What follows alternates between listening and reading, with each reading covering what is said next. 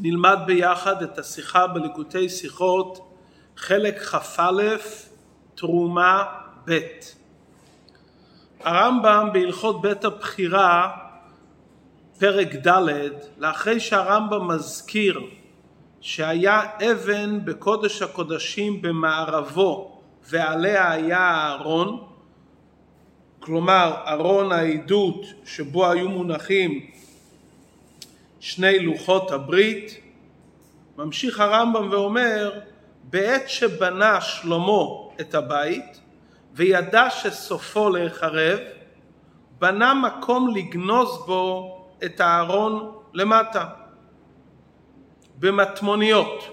כלומר מתחת לבית המקדש שלמה המלך ידע שבית המקדש יחרב מתי שהוא בנה הוא כבר בנה מקום למטה מתחת בית המקדש במטמוניות במקום מוחבא, עקומות ועקלקלות, כלומר במקום נסתר, ויאשיהו המלך שהוא מלך 35 אה, שנה לפני חורבן הבית, ציווה לכהנים וגנזו אותן במקום שבנה שלמה.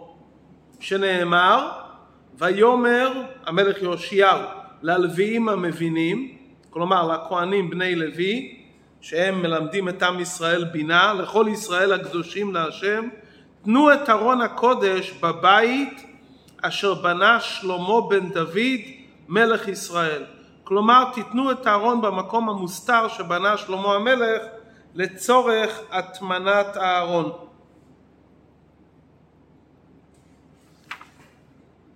סיים יאשיהו המלך ואמר לכהנים אין לכם מסע בכתף. כלומר עכשיו שהארון כבר גנוז למטה יותר לא תצטרכו יותר לנסוע אותו בכתף.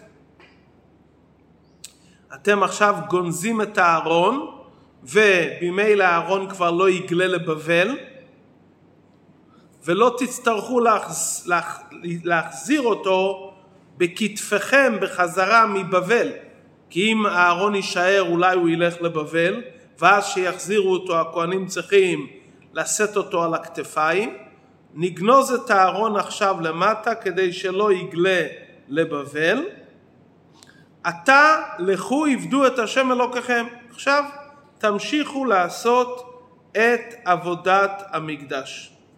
כלומר יאשיהו המלך ראה ברוח הקודש מה שהולך לקרות ולכן הוא שלח את הכהנים ובנביא כתוב שהם מצאו בספר תורה והיה להם סימן כי הם ראו שהספר גלול בפסוק שמרמז על עניין הגלות ולכן יאשיהו המלך 35 שנה לפני חורבן הבית כבר גנז את הארון במקומו.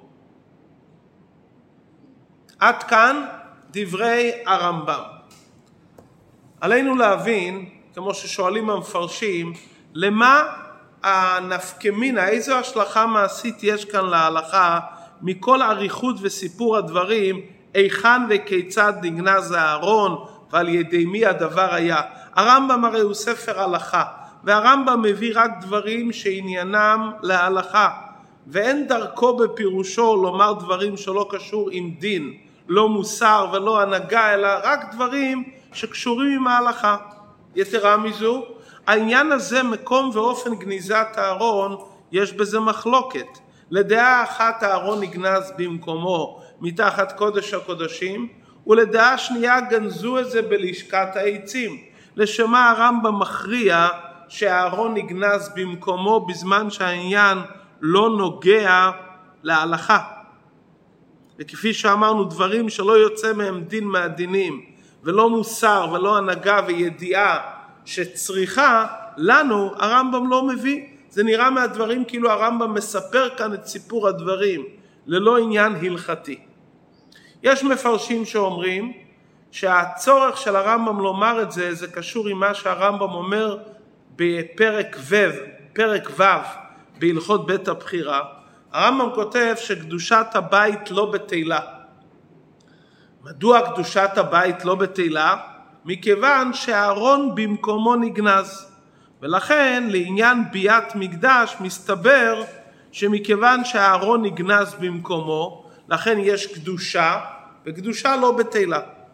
עד כאן דברי המפרשים, מדוע הרמב"ם היה צריך להגיד שהרמב"ם גנז, שה, שהמלך יאשיהו גנז, כדי שנדע שקדושת המקדש נשארה למרות החורבן בגלל הארון שגנוז באותו מקום. אבל עדיין צריכים לעיין בתירוץ הזה. ראשית כל, הרמב"ם כותב שהסיבה שבית המקדש קדושתו לשעתה וקדושה לעתיד לבוא, מכיוון שהקדושה מפני השכינה ושכינה אינה בטלה. כאן זה לא קשור עם מקום הארון לכאורה, זה קשור עם העניין של השכינה. דבר נוסף, אם הרמב"ם סובר שקדושת המקום קשורה עם גניזת הארון, היה הרמב"ם צריך לומר בקיצור, ארון במקומו נגנז, ומכיוון שארון במקומו נגנז, לכן יש קדושה במקום. הרמב"ם כותב, בנה בו מקום לגנוז בו את הארון.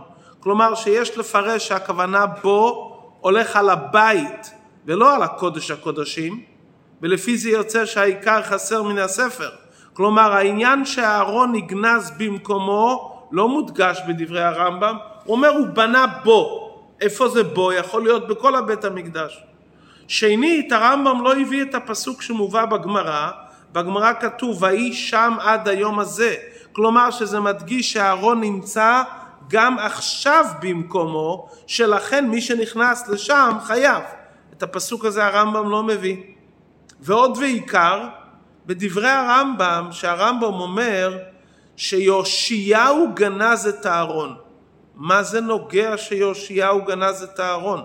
הרי יש לנו שאלה אם הארון נגנז במקומו, כלומר בקודש הקודשים למטה, או בלשכת העצים. מה זה נוגע לומר שהמלך יאשיהו גנז את זה? והרמב"ם מעריך בזה ששלמה המלך בנה את המקום לגנוז את הארון והמקום הוא למטה במטמוניות עקומות הכלכלות ויאשיהו המלך ציווה לגנוז אותו והוא גנז את זה במקום ששלמה בנה והוא מביא על זה ראיה מהפסוק והוא מביא את הפסוק ללוויים המבינים לכל ישראל הקדושים שהוא אמר להם אין לכם מסע בכתף עתה עבדו את השם אלוקיכם אין לכם אפשרות בכלל עכשיו לשאת אותו כי גמרנו הוא נגנז. מה זה נוגע להלכה כל הפרטים הללו? דבר נוסף שעלינו להבין מפשטות לשון הרמב"ם וידע שסופו להיחרב בנם מקום כלומר ששלמה המלך בנה מקום זה בבית המקדש לכאורה זה נראה מדעת עצמו מכיוון שהוא ידע שסופו להיחרב. תמוה, כל חלקי פרטי הבית נבנו על פי ציווי השם. כנאמר בפסוק הכל בכתב מיד השם עלי השכיל. איך ייתכן ששלמה המלך יוסיף ויבנה מקום בבית המקדש מדעת עצמו? דבר נוסף, הרמב"ם שמדבר על כל העניין של גניזת הארון הוא מוסיף את העניין של האורים ותומים שהיו גם בבית שני. לשון הרמב"ם, ונגנז עמו מטה אהרון וצנצן את המן, וכל אלו לא חזרו בבית שני, ואף אורים ותומים שהיו בבית שני לא היו משיבים ברוח הקודש ולא היו נשאלים בהם. שנאמר אדמות כהן לאורים ותומים, ולא היו עושים אותם אלא כדי להשלים בהם שמונה בגדים לכהן גדול כדי שלא יהיה מחוסר בגדים. כלומר האורים ותומים אבני החושן כבר לא היו משיבים ברוח הקודש כפי שהיה בבית ראשון, לא היו שואלים כבר שאלות בתחילת ימי בית שני, אז למה היו שמים את אבני החושן בבית שני? כדי להשלים את שמונת הבגדים, כדי שהכהן לא יהיה מחוסר בגדים, אבל זה כבר לא היה עובד, כפי שהיה בבית ראשון. מה העניין הזה של האורים ותומים קשור כאן לעניין של גניזת הארון? נכון שיש צד השווה בין האורים ותומים לארון, ששניהם לא חזרו בבית שני. הארון היה גנוז, והאורים ותומים לא שימשו כשאלות ותשובות בבית שני. אבל העניין של האורים ותומים מקומו לא בהלכות בית הבחירה. זה חלק מבגדי, הכהונה שהרמב"ם מדבר עליהם בהלכות כלי המקדש והעובדים ואכן שם הרמב"ם מזכיר את העניין הזה לשם הרמב"ם מביא את זה כאן בהלכות בית הבחירה דבר שקשור עם אחד הכלים ולא קשור עם הבית בעצמו. על כורחוך צריך לומר שהשייכות של האורים ותומים לארון זה לא רק במכנה המשותף שהם לא חזרו בבית שני אלא יש שייכות של האורים ותומים לעצם עניין הארון. ולכן הרמב"ם מביא את זה יחד עם דיני הארון. מה הקשר בין תומים ואורים לעניין הארון? ממשיך הרבה בסעיף ד' שהעניין הזה יובן בהקדים דיוק היכן הרמב"ם כותב את עניין גניזת הארון? ועלינו להקדים שבהלכות בית הבחירה יש כמה פרקים. בתחילת הלכות בית הבחירה הרמב"ם כותב אילו הדברים שהם עיקר בבניין הבית עושים בו קודש וקודש הקודשים אולם. לאחר מכן הרמב"ם ממשיך ועושים במקדש כלים והרמב"ם מונה את כלי המקדש. בפרקים של אחרי זה פרק שני ושלישי מהלכות בית הבחירה מבאר הרמב"ם את צורת הכלים ובפרק רביעי הרמב"ם מבאר את צורת הבית, כלומר כותלי הבית, ההיכל, השערים וכולי. מתעוררת שאלה, הארון מהו? חלק מכלי המקדש. היכן הרמב"ם היה צריך לדבר על הארון? לא בפרק רביעי המדבר על צורת הבית. הוא היה צריך לדבר על הארון בפרק שני ושלישי, בהם הוא מדבר על צורת הכלים. היכן הרמב"ם מספר לנו שהארון נגנז, שהוא לכאורה כלי, בפרק רביעי בו מדובר על צורת הבית. מזה גוף המוכח, שמה שהארון עומד בקודש הקודשים, לדעת הרמב"ם זה לא רק כלי, זה פרט בצורת הבית. הארון הוא לא רק כלי שנמצא בקודש הקודשים כשאר כלי המקדש המצויים בהיכל. הוא חלק מקודש הקודשים, הוא חלק מהבניין עצמו. הארון עושה את בית המקדש שיהיה בית להשם. כאן נאמר בפסוק ונועדתי לך שם. ולכן הרמב"ם גם לא מונה את הארון בין כלי המקדש, שהוא מפרט בתחילת הלכות בית הבחירה ועושים במקדש כלים, הוא לא מזכיר את הארון בפני עצמו. מדוע? כי לפי דעת הרמב"ם הארון הוא לא כלי בפני עצמו, הוא חלק מקודש הקודשים. הרבי מעריך בזה בשיחה אחרת, שהארון הוא חלק מקודש הקודשים. טוב, אז הבנו מדוע הרמב"ם כותב על עניין קודש הקודשים, על עניין הארון, לא בפרק ב' ג' בהם מדובר על כלי המקדש, אלא בפרק ד' זה מדבר על צורת הבית. כי זה חלק מקודש הקודשים. אהרון עושה את בית המקדש לבית להשם. לפי זה מתעוררת תמיהה, מכיוון שבבית שני אהרון לא היה במקומו כי הוא נגנז, לכאורה לא היה קודש הקודשים. מדוע? אהרון הוא חלק מקודש הקודשים. אם אין ארון, אז אין קודש הקודשים. כי הארון הוא חלק מהבניין של קודש הקודשים. בבית שני שהיה חסר לא פרט אחד, היה חסר קודש, היה חסר הארון, שהארון הוא חלק מקודש הקודשים, כלומר היה חסר עניין עיקרי בבניין הבית. וזו השאלה המתעוררת, הייתכן שבבית שני לא היה קודש הקודשים? מכיוון שהארון לא היה נמצא במקומו שהוא עושה את בית המקדש לבית להשם ואת קודש הקודשים. זה השאלה שהרמב"ם רוצה לבאר לנו. כדי לסלק את התמיהה הזו מעריך הרמב"ם בדברים אודות גניזת הארון. שעל פי דברי הרמב"ם בעניין גניזת הארון יובן שגם בבית שני לא היה שום חיסרון בבניין הבית ועלינו ללמוד על צורת הבית כי זה מצוות עשה לדורות בעניין בית הבחירה. מה הפירוש שלא היה חסר? הרי בפועל הארון לא היה. ביור הדברים. בזה שהרמב"ם כותב שבעת שבנה שלמה את הבית בנה בו מקום לגנוז את הארון אין כוונת הרמב"ם להכריע במחלוקת היכן נגנז הארון האם במקומו או בלשכת העצים מאי דעה והווה זה כבר היה זה לא נוגע כרגע להלכה כוונת הרמב"ם לחדש דין בבניין הבית גניזת הארון לא הייתה עניין של בדיעבד ובלית ברירה בעת בניין הבית נקבע מלכתחילה שיהיה לאהרון כביכול שני מקומות בבית המקדש. יהיה לו מקום גלוי על אבן השתייה בקודש הקודשים, זה המקום האחד, ויהיה לו מקום עבור גניזתו למטה מקודש הקודשים במטמוניות עמוקות עקלקלות. והמקום הזה הוא עניין מלכתחילה חלק מן הבית. כפי ששלמה המלך אומר ואשים שם מקום לארון. כלומר, גניזת הארון זה לא עניין נוסף על בית המקדש, כלומר שעשו את זה כדי לגנוז ולשמור את הארון בשעה שהתעורר צורך לכך. לא. גניזת הארון זה דין בבניין הבית. כשם שלצורך שלמות המקדש צריכים לבנות מקום של קודש הקודשים שבו יעמוד הארון באופן גלוי, באותו אופן צריכים בבית המקדש לבנות מקום גניזה בקודש הקודשים למטה עבור הארון ובזה מובטח הנצחיות של קודש הקודשים כי הארון הוא חלק עיקרי ממנו.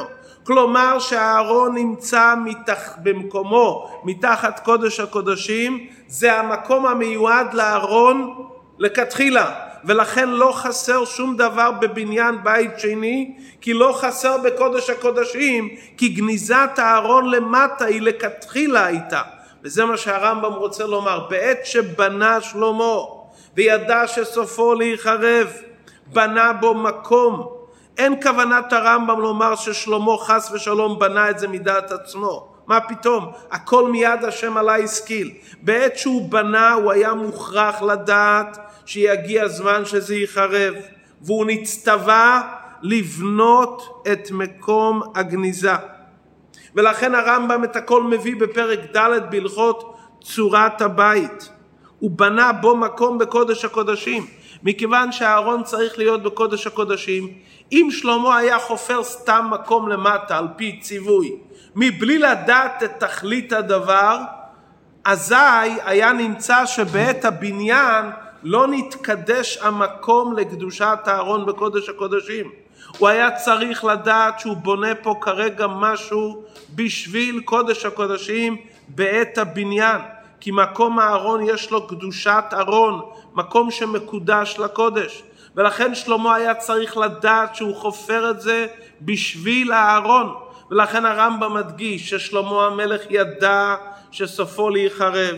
לכן לכתחילה הוא בנה בו מקום לגנוז את הארון. מקום גניזה לצורך הארון למטה במטמוניות עמוקות הכלכלות. במילא מובן שקידשו את המקום הזה למטה בתור מקום הארון, במילא הוא חלק מקודש הקודשים. על פי זה יובן מדוע הרמב"ם ממשיך ומדגיש שיאשיהו המלך ציווה לגנוז את זה במקום שבנה שלמה. כדי לחזק את ההוכחה שגניזת הארון במקום הזה לא היה עניין של בדיעבד בלית ברירה, אלא זה נקבע מלכתחילה שזה יהיה המקום הגנוז של הארון כחלק מקודש הקודשים, מבאר הרמב"ם שגם גניזת הארון הייתה לא בעת החורבן, שעת החורבן זה זמן של בדיעבד, זה בלית ברירה, אלא בשעה שבית המקדש לא היה לגמרי בסכנה, לגמרי. יאשיהו המלך היה בזמן שהיה תוקף יד ישראל, זה היה 35 שנה לפני החורבן, והוא הכניס את הארון למקום גניזתו מעין איך ששלמה המלך הכניס את הארון לקודש הקודשים בשעת הבנייה. יאשיהו המלך, כמו ששלמה המלך ציווה, ככה יאשיהו המלך ציווה לגנוז אותו. דבר שני, ההכנסה נעשתה על ידי הלוויים המבינים לכל ישראל, כמו שהיה בימי שלמה, שכתוב ויביאו הכהנים את ארון ברית השם אל מקומו. ולכן זה היה לכתחילה, מדייק הרמב"ם ואומר, תנו את ארון הקודש בבית אשר בנה שלמה. זה לשון הפסוק. מה זה תנו? לא כתוב בואו ניקח את הארון מקודש הקודשים. תנו. כלומר זה נתינה בבית, זה משהו שלכתחילה הולכים לתת אותו ולשים אותו במקום המיועד. הפסוק לא אומר תוציאו אותו, תיקחו אותו מהמקום הזה, אלא תשימו אותו ותיתנו אותו באותו מקום. ולכן הרמב"ם מסיים את סיום הפסוק, אין לכם מסע בכתף, כמו שאמרנו, מדוע אין לכם מסע בכתף? כי מכיוון שהארון נגנז והוא לא גלה לבבל, אתם לא תצטרכו להחזיר אותו בכתף. עתה עבדו את השם אלוקיכם. כלומר, אף על פי שמכאן ואילך הארון יהיה במצב של גניזה, ואין לכם אפילו אפשרות להגיע למסע בכתף, אין פירוש הדברים שיש חיסרון בעבודה בבית המקדש. כי חסר כאן משהו, עבדו את השם אלוקיכם בבית המקדש. לא נעשה שום חיסרון בבניין הבית, תמשיכו את העבודה כראוי, כי כרגע בית המקדש עומד שלם, מכיוון שהמקום הזה לכתחילה מיועד לארון. על פי זה יובן הטעם שהרמב"ם מסיים את ההלכה בעניין אורים ותומים. שאלנו מה הקשר? אורים ותומים זה עניין של כלי המקדש, מה זה מתחבר כאן להלכה מדברת על הארון? בכך מביא הרמב"ם דוגמה לתחילת הדברים. כמו שבבית שני הארון היה בשלימותו במקומו, אף על פי שהוא לא היה במקום הגלוי בקודש הקודשים, אבל זה היה המקום המיועד לו לכתחילה. אומר הרמב"ם, אני אביא לך הוכחה, האורים והתומים בבית שני היו בשלימותם גם בבית שני. היה בהם שינוי גדול מאוד. הם לא היו משיבים, קולם לא היה נשמע. כלומר היה חיסרון בגילוי שלהם. לכאורה היה חסר דבר הכי עיקרי. בבית ראשון היו שואלים והיו מקבלים תשובות, אבל הם היו בשלימותם. הם השלימו את מניין הבגדים של הכהן הגדול. אומר הרמב"ם, כמו שהארון, למרות שהוא לא נמצא בגלוי, אבל זה מקומו המיועד מלכתחילה, גם האורים ותומים שהם נמצאים במקומם, למרות שהם לא עושים את עבודתם בגלוי, כי הם לא משיבים, אבל הם נמצאים והם משלימים, ולא חסר במניין הבגדים אצל הכהן גדול. לפי זה יוצא חידוש נפלא, שלא רק שבית שני היה בית שלם, ולא היה חסר בו כלום, כי קודש הקודשים והארון היו בשלמותו. אנחנו מבינים מכך את המעלה של בית ראשון. למרות שבחיצוניות בית ראשון לא היה בית נצחי, אבל היה יכול להיות וככה היה שחורבן הבית למרות החורבן בפנימיות יש משהו נצחי בבית ראשון. בבית ראשון יש מקום גניזה שלא היה בו חורבן והארון נמצא במקומו עד היום. במקום הזה בית ראשון עדיין נמצא. מה שקדושה ראשונה קידשה לשעתה וקידשה לעתיד לבוא, זה מצד קדושת המקום מפני השכינה. זה עניין אחר שהרמב"ם כותב בפרק ו'. כאן הרמב"ם מחדש עניין עמוק יותר, שמלבד קדושת המקום מצד השכינה, יש עניין עמוק שגם הבניין גופה יש בו חלק שהוא נצחי מבית ראשון לשעתו ולעתיד לבוא. כי קודש הקודשים נבנה מלכתחילה באופן שיש מקום גניזה לשעתו ולעתיד לבוא בתוך הבית בעצמו. על פי זה יש עומק חדש בהבנת הקשר בין שלושת הבתי מקדשות. זה לא שלוש, שלושה בתי מקדש נפרדים שיש להם שייכות, אלא בעצם בעיקר הם בית אחד. בית המקדש השני והשלישי זה לא בית חדש, זה המשך של הבית שנבנה בתחילה, בית ראשון. כבר בבניין של בית הראשון נקבע עניין שיהיה לשעתו ויהיה לעתיד לבוא. עבור הבית השני והשלישי, מהו הדבר הנצחי? הארון ומקום גניזתו. על דרך שבנוגע לתחיית המתים, אין הכוונה שייברו גופים חדשים לגמרי. הגופים ייבנו מהעצם לוז. שהוא עצם הגוף שנשאר ולא שייך בו חורבן, כידוע מה שמסופר במדרש, שיש עצם לוז שנמצא בחלק האחורי של האדם מאחורי ראשו, שהעצם הזה נשאר תמיד נצחי, וממנו ייבנה כל הגוף בעת תחיית המתים, ובו לא שייך הפסד. על דרך זה גם העניין של הארון הקודש, המקום שגנזו בו את הארון, העצם העיקר של בית המקדש זה קודש הקודשים, והעיקר של קודש הקודשים זה הארון, בזה לא שייך חורבן והפסד, זה נצחי מאז תחילת בית הראשון וגם בזמן בית שני ובבית שלישי נשאר אותו דבר. ממנו יהיה הבניין של בית שלישי וממנו נבנה הבניין בית שני כי זה עניין נצחי מקום הארון. עד כאן ביאור הדברים על פי פשט. הלכה זו ברמב"ם מביעה דברים נפלאים בהבנת כל המושג של חורבן וגלות. בית המקדש מצד עצמו לא ראוי שיהיה בו אפשרות לעניין של חורבן. אי אפשר שלגויים בכוח עצמם יהיה איזה שליטה חס ושלום בבית המקדש הוא בית להשם. מה שבפועל קרה חורבן הבית זה מכיוון שבעת שבנו את הבית היה נתינת מקום ואפשרות לחורבן. כמו שלמדנו בליקוטי שיחות במקום אחר, בנוגע לכל איש יהודי, לגוי לא יכול להיות שליטה על יהודי. אם גוי חס ושלום נוגע ביהודי, זה מכיוון שהיהודי על ידי המעשים והפעולות שלו נתן מקום לזה. לא רק שגוי לא יכול לשלוט על יהודי, אלא להבדיל, גם בית דין של מעלה ופמליה של מעלה, אין להם כביכול שליטה על יהודי. הדין שהם פוסקים על היהודי מוכרח להיות בהסכמה של היהודי. כידוע מה שמובא בשם הבעל שם טוב, שכל פעם שהאדם נשאל איזה שאלות במצבים מסוימים, זה בעצם הוא מכריע את הדין על עצמו, ועד שהוא לא מכריע את הדין על עצמו, לא עושים איתו את אותו דין.